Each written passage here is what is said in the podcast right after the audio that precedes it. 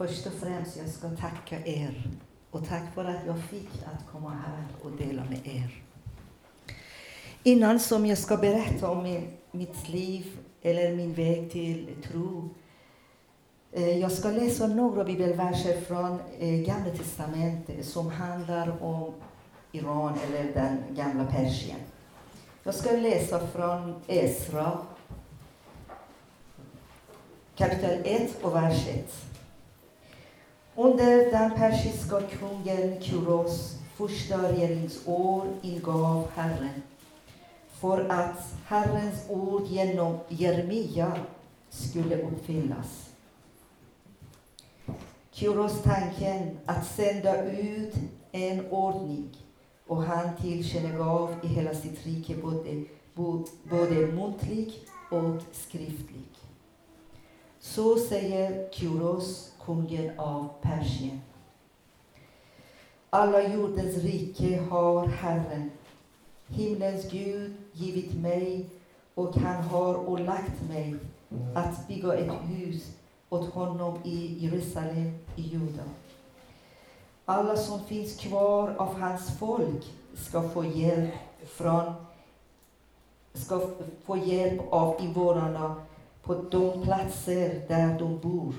De ska få silver, guld, guds och boskap och därtill frivilliga gåvor till Guds hus i Jerusalem.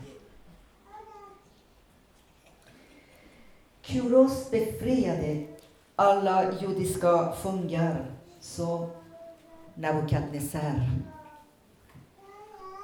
hållit i fångenskap sedan 500-talet i början.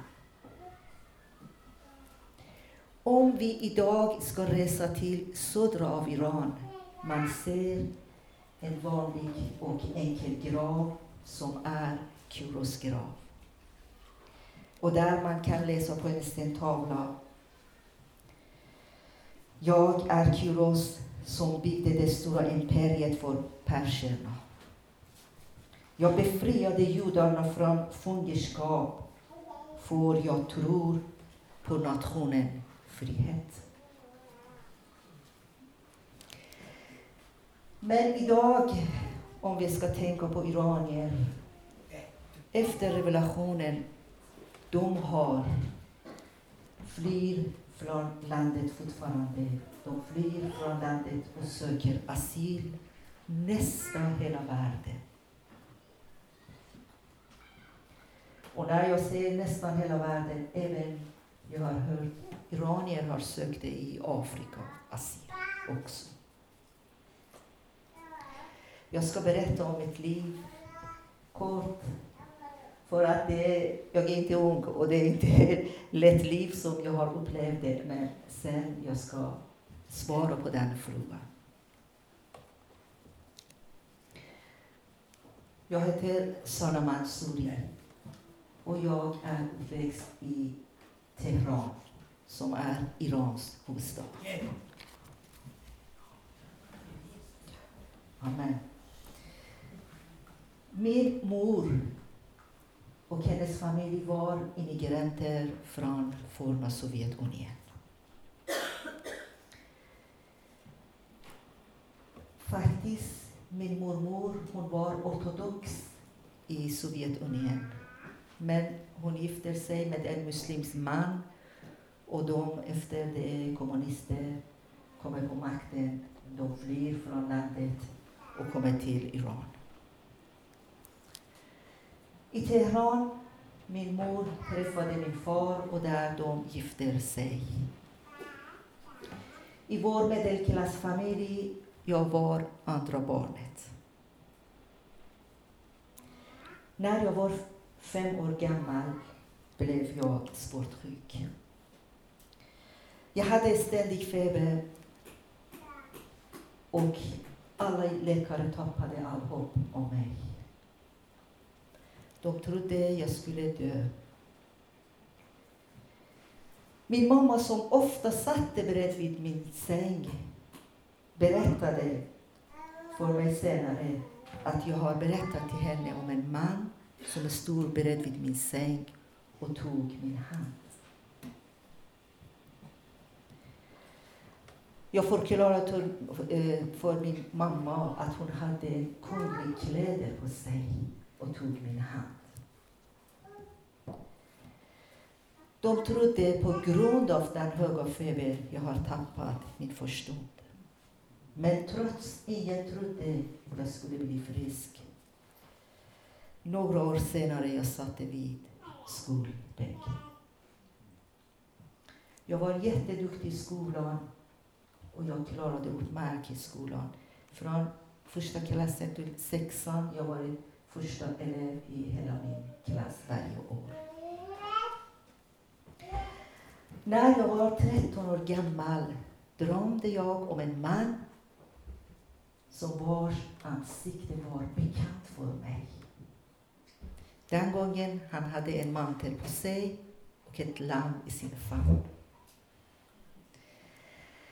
Han kallade vid mitt namn och uppmuntrade mig att följa honom. Gång på gång såg jag honom i mina drömmar. Och till slut berättade till min mor. Hon sa till mig, kanske den man är Jesus Kristus som är profet för de kristna. Jag frågade henne, vi är inte kristna. Varför han kom i mina drömmar. Men jag känner i mitt hjärta, jag älskar honom. Min mamma förklarade, han är en oskuld eller en oskyldig man, profet för de kristna. Kanske du är också en god tjej och därför drömmer du om honom. Men du behöver inte tänka mer på honom. I den tiden i högstadiet, jag var i volleybollslaget. Och i vår lag fanns en armenisk tjej. I Iran, de kristna uppdelades, som ni såg också i bilden, det var gamla kyrkor i Iran. De kristna uppdelades på två grupper armenier och assyrianer som är ortodoxa katoliker. Jag kom så fort nära henne och berättade till henne om min kärlek till Jesus. Men hon skrattade åt mig. Jag frågade henne många gånger om jag fick följa henne till deras kyrka. Men hon sa till mig, de går till kyrkan jultiden eller påsktiden eller när det finns en högtid. Men jag gav mig aldrig och försökte fråga henne. Till slut sa hon, ska fråga sin mor. Hon bjöd mig hem och jag träffade hennes mor. Jag glömmer aldrig. Vi satte oss i köket, i matbordet och jag berättade om min kärlek och mina drömmar till henne. Det fanns ett stort hopp inom mig att äntligen jag skulle veta mer om Jesus Kristus och komma till kyrkan. Men min väns mor talade till mig att Jesus var för de kristna, inte för muslimer. Och hon förvånades över hur en muslimsk tjej drömmer om Jesus. Och hon sa till mig, jag får inte följa dem till deras kyrka.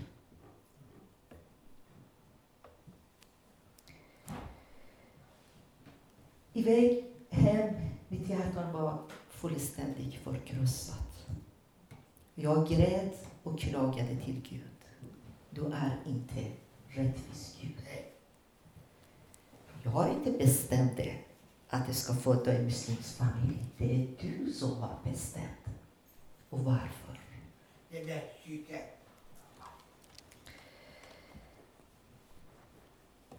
Året gick förbi och vi gick till gymnasiet.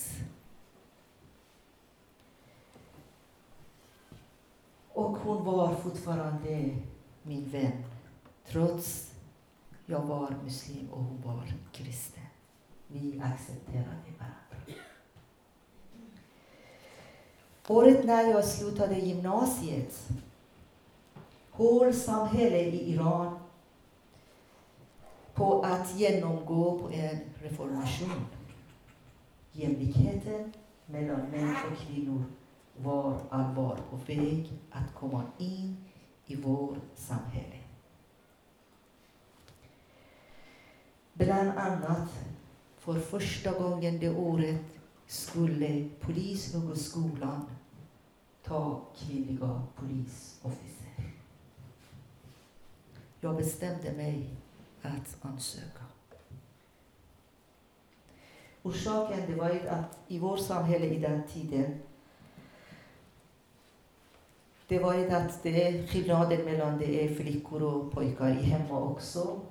Men alltid jag varit lite grann rebell, flickan i hemma.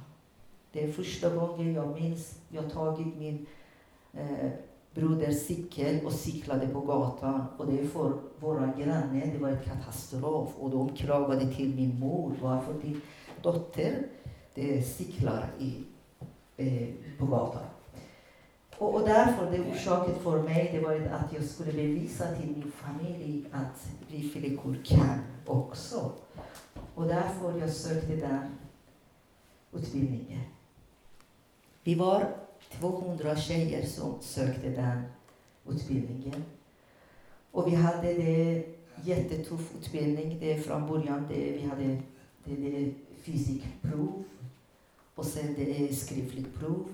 Och mellan eh, 200 de valde 100 och vi började tre år hård utbildning som var stenhård utbildning. Från klockan fem på morgonen till klockan nio på kvällen. Vi skulle lära oss ridning, skjutning, simning, judo-karate och vi skulle också motorcykel. Så det är naturligtvis det var en del av vår utbildning. Och plus, vi skulle läsa 120 det poäng, det högskolan poäng, som handlade om landets lagar, internationallagar, fängelselagar, olika brottslingar, olika det är knark som vi skulle lära oss, fingertryck och mer och mer. Efter tre år hård utbildning, vi varit färdiga och vi fick en stjärna och våra axlar, det första kvinnliga officer, lutenant. Och det är naturligtvis i landet, det var ett helt nytt och därför det, vi fick det ganska det är bra det är position inom det polisen. Sen kommer en ordning från chefen, högsta chefen, polischefen, att de ska skicka det några till USA för mer utbildning, eller det utbilda sig mer. Och för detta vi skulle också igen eh, göra en eh, skriftlig eh, prov. Och det var ett engelska och matematik. Och det är bland dem, vi varit ungefär 50 män och kvinnor som lyckades på den proven och vi började och läste eh, i Teheran universitet. Eh, dataspråk och dataprogrammik. Så i den tiden det var COBOL-programming som vi skulle läsa och lära oss och sen bland oss de ska välja och skicka oss till USA. Efter två och halv år utbildningen i Teheran universitet, då valde tio av oss, fyra kvinnor och sex män, och de skickade till USA för att läsa datamanagement. I Washington DC, jag kände mig där, ingen vet inte, jag är muslim. Först och främst, det var min tanke. Jag kan gå till kyrkan. Och där de eh, som ordnade den resan till oss, eh, från eh, i alla fall eh, myndigheterna i Iran, där de eh, hyrde fem lägenheter. Och två av oss, varje två personer, ska bo på en lägenhet.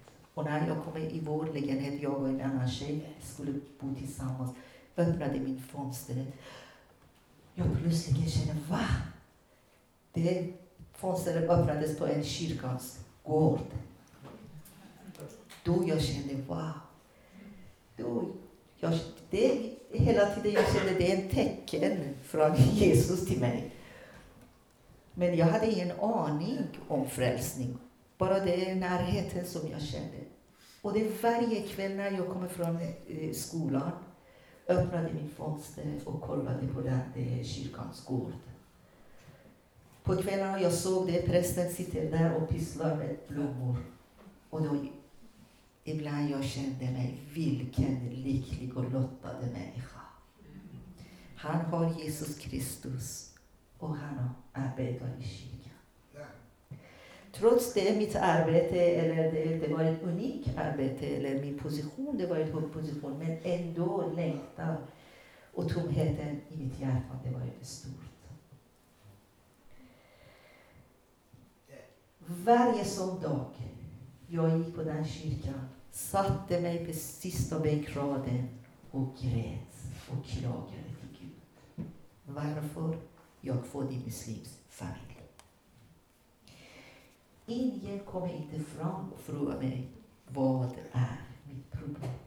Ett år, samma bänk, samma kyrka, samma bänk. Efter ett år vi kommer tillbaka till landet och jag fick en hög position i landet. Jag blev chef efter resultaten. Det var lite grann eh, bra och de eh, från USA de skickade vem kan vara management eller eh, chef. Eh, jag fick det chefpositionen och jag var chef eh, för de 58 män och kvinnor under min ordning. Och plus jag fick det, i min privat chaufför med en Mercedes-Benz varje morgon kom hem till mig. Och jag satte på bak och körde mig till min arbetsplats. Och där alltid jag hade lite grann lapp och lämnade till honom. Han skulle handla och när jag skulle komma från jobbet och köra hem. Men tomheten, det var ett stort i mitt hjärta. Några gånger jag såg drömmar och jag var förvirrad. Dagen efter jag grät och jag kunde inte koncentrera mig över inget jobb. Många gånger när jag vaknade morgonen och jag grät och min mor var jättearg på mig och sa jag vet inte vad jag ska göra med dig. Jag själv visste inte vad ska jag göra. Några gånger jag bestämde att jag ska gå till armeniska kyrkan och bjuda dem att betala pengar och lära mig armeniska språket. Men en dag kom en vän till mig, en av mina kollegor, kom till mig och sa till mig, hon, har, hon fick en stark och tidig dröm till mig. Hon sa till mig, jag såg det, himlen har öppnat sig och en skinande ansikte som visade sig och med en hand sa, gå till Sanna och säg till henne, jag är evigheten. Hon måste följa mig. Jag är evigheten. När hon berättade detta för mig, jag grät väldigt mycket. Jag visste inte vad betyder evigheten. Vem kan vara evigheten? Men min kollega sa till mig, jag tror det var Jesus Kristus. Några dagar, jag var förvirrad och jag grät väldigt mycket. Min familj var, var arga. och samtidigt trött på mig. Jag hade en stor kamp inom mig och jag bestämde mig att jag ska gå till armeniska kyrkan och lära mig armeniska språket. Men en dag igen kom en vän som han var förut min chaufför. Han var armenier. Och han ringde på dörren och kom in och berättade om sitt problem. Och han bad att jag hjälper honom. Då jag kände nu, jag vet hur jag ska göra. Jag sa till honom, jo, jag ska hjälpa till dig. Men i utbyte, din fru ska lära mig armeniska språk. Han förvånade och frågade mig orsaken. Och jag berättade min långa historia till honom och grät. Han sa det fanns en kyrka som är för muslimer. Men vi armenier kan inte acceptera den församlingen. Jag fick adressen och nästa dag som var söndag gick till den kyrkan. Det var en liten kyrka. Det var en vanlig byggnad och lite skylt på dörren som är stor Philadelphia. Hur man kan gissa det, Philadelphia, det kyrkan. Det var ingen kors, ingenting. Jag ringde på dörren. Ingen svarade. Jag bankade. Ingen öppnade dörren. Jag gick omkring i den området om hopp att det fanns en annan dörr. Men icke. Jag kom tillbaka till huvuddörren och stod där och grät. Och jag sa, idag du måste säga till mig vem du är och varför du lämnar inte mig fred. Och grät med bitterhet. Plötsligen hörde jag någon sa till mig, syster, har du problem? Ja, jag har mycket problem. Han öppnade kyrkans dörr och jag gick in. Jag kastade mig på marken och grät. Efter ett tag han frågade orsaken och jag berättade min långa historia till honom. Idag han är missionär i Ryssland, där han är. Han sa till mig, Herren har utvalt dig och idag är din frälsning dag. Jag visste inte vad betyder frälsning, hur man kan bli frälst. Om man kan bli frälst, vad hände? Ingenting. Bara jag kände den smärta som finns i mitt hjärta. Jag kände mig, jag ville bli av från den smärtan. Han sa till mig, du ska lämna ditt liv idag till Jesus Kristus. Han har börjat forma dig utanför kyrkan, precis som en glasmästare som formar och ger jobb till sina kär.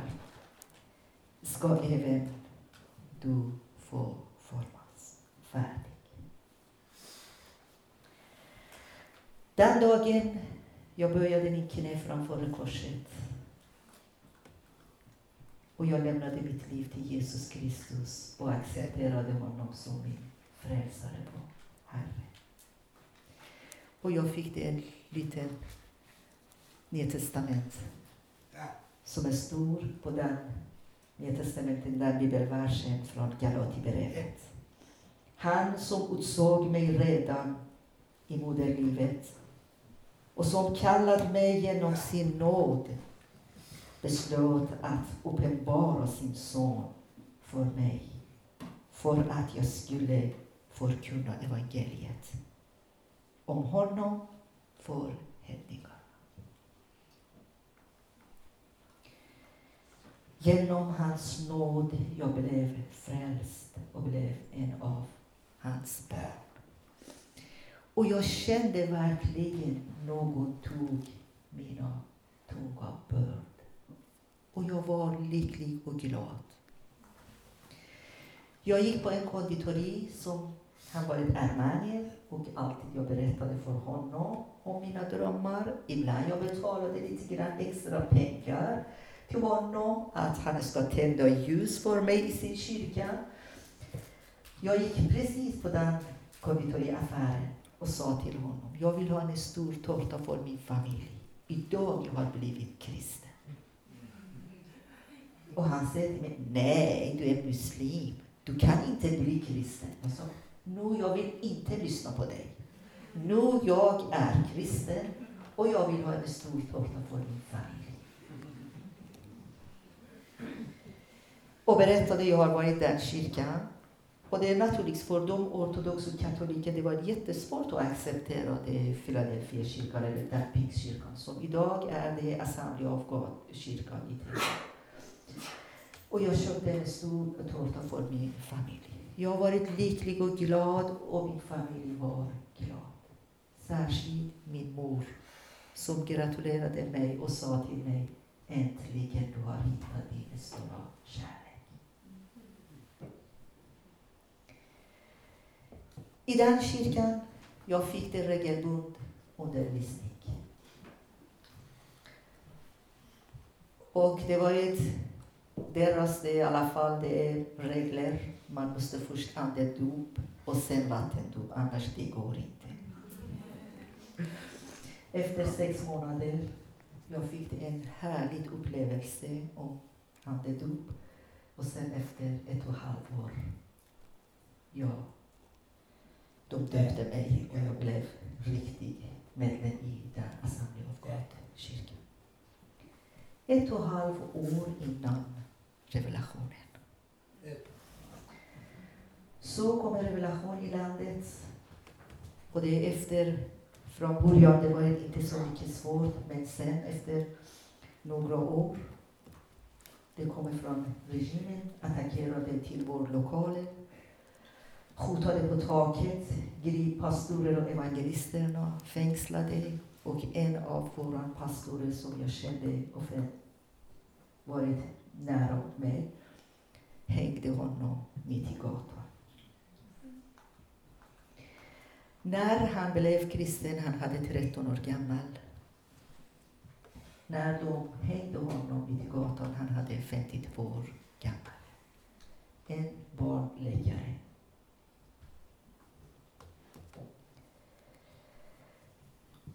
På grund av att jag varit polisofficer och jag visste mer om säkerheten och sådana saker, då lite grann planerades att vi ska gå till hemförsamlingar.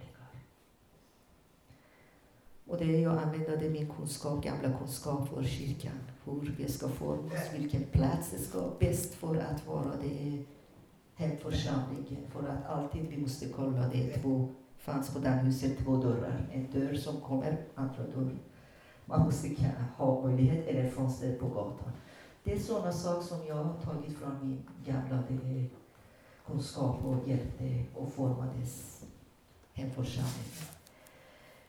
Jag själv hade ansvar för en jättefint och växande hemförsamling. Men sen det blev krig och naturligtvis man stannar inte i landet. Mest vi var utan Teheran på olika håll. Och sen när det varit lite grann lugn och ro var kommit tillbaka igen till församlingen. Men alltid det varit fara att de kommer till kyrkan och griper pastorer och även de vanliga medlemmar. Det varit eh, 92 på grund av från 90 till 92 det var mycket det attack till församlingen och därför på grund av all förföljelse en del av pastorer och evangelisterna lämnade landet. Många av dem flyttade till USA, till Kanada, eh, till Österrike, Tyskland, England. Och det var tre familjer som kom till Skandinavien. Det var en familj kom till Norge, en familj kom till Danmark och vi kommer till Sverige genom FNs hjälp.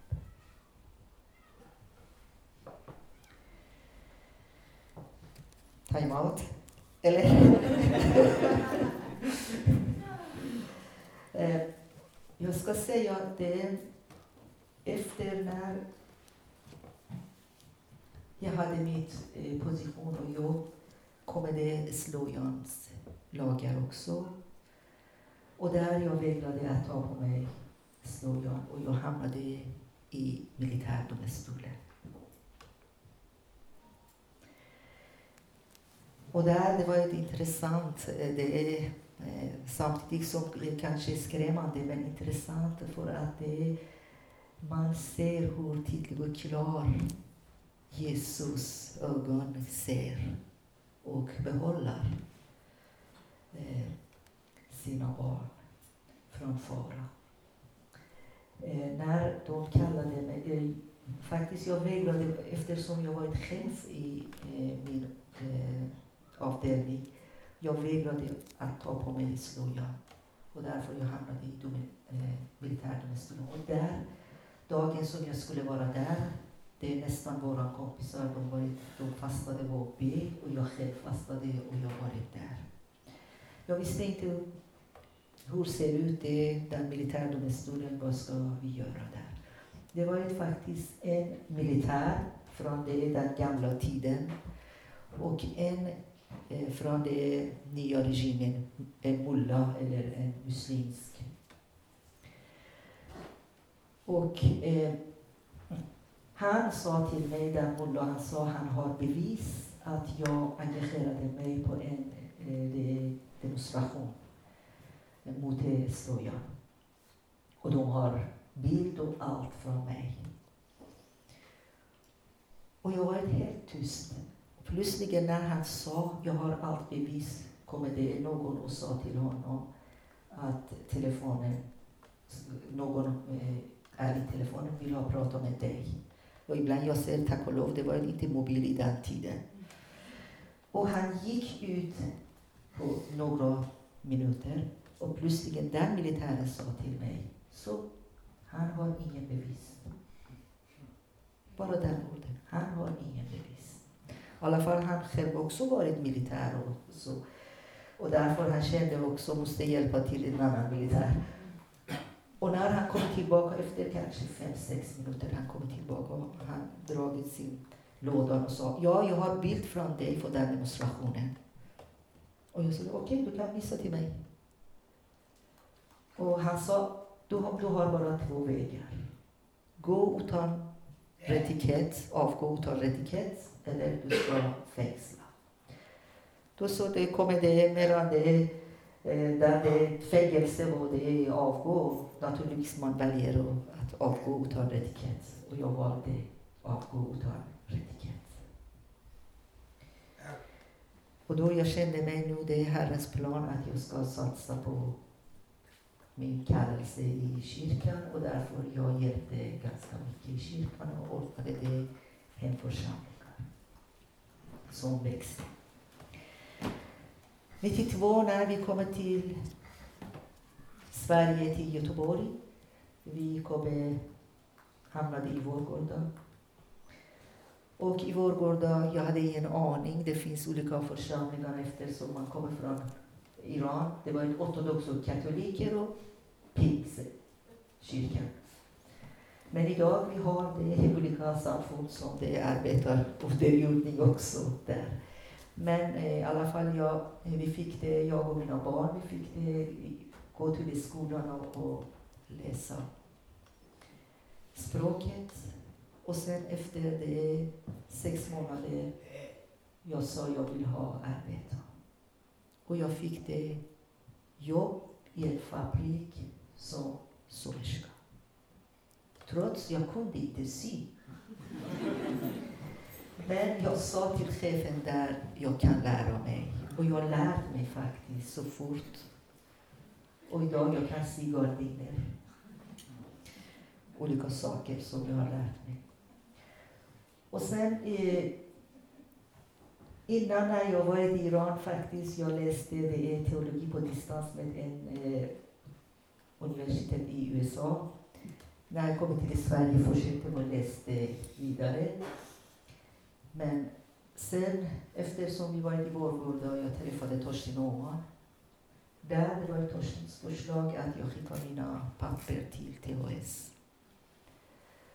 Och jag skickade mina papper till Teologihögskolan i Stockholm och jag fick det att läsa halvtid där och halvtid arbeta.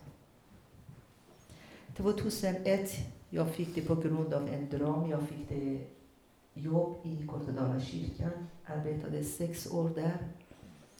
Och sen efteråt, mellan det som arbetade, jag slutade min teologi och det ordinerade som det pastor och arbetade fyra år för Missionskyrkans central. Jag reste ganska mycket till olika församlingar. Och samtidigt, eftersom jag själv kommer från muslimsk bakgrund, jag kunde hjälpa till iranier och afghaner kommit till tro.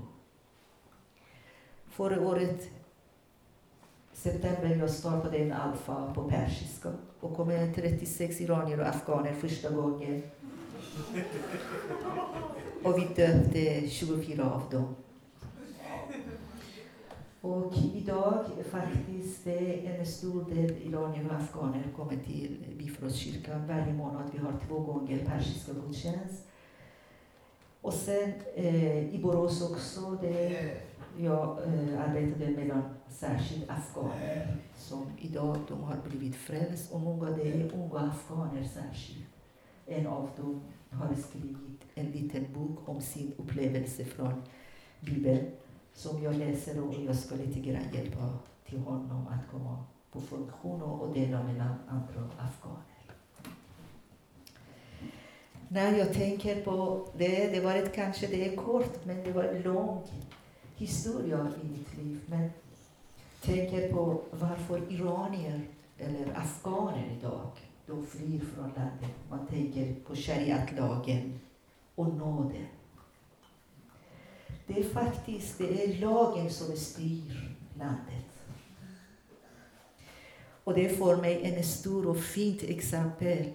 Det är den äktenskapsbrotande kvinnan i Matteus i Johannes evangeliet 8. När de tog henne och dragit henne till Jesus. Och Jesus dömer inte henne. Och vi har hört hur många kvinnor i Iran eller Afghanistan stenades på grund av de markerade de är det. De var förre minister, Irans förre minister, skolminister eller de som var politiker, aktiv politiker. Eller de som vill ha kämpa för kvinnors rättighet. Och till sist, jag ska läsa en till bibelvers som handlar om det är friheten i Jesus Kristus som vi vet allihopa. I Galaterbrevet 3 står Ingen blir rättfärdig i Guds ögon genom lagen. Den rättfärdige ska leva genom tro på Jesus Kristus som har friköpt oss från lagen för bannelse. Det är skillnaden mellan nåd och lagens förbannelse som Jesus har friköpt oss.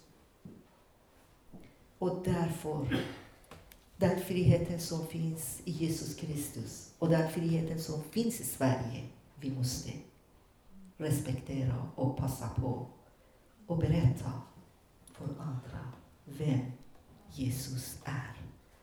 För att när vi tänker på den bibelversen som i Johannes evangeliet 3 säger Guds älskade värld. Gud älskar alla människor. Men det handlar också om vår uppdrag och uppgift att berätta för andra vem Jesus är. Och Jesus älskar alla människor. Gud välsigna er.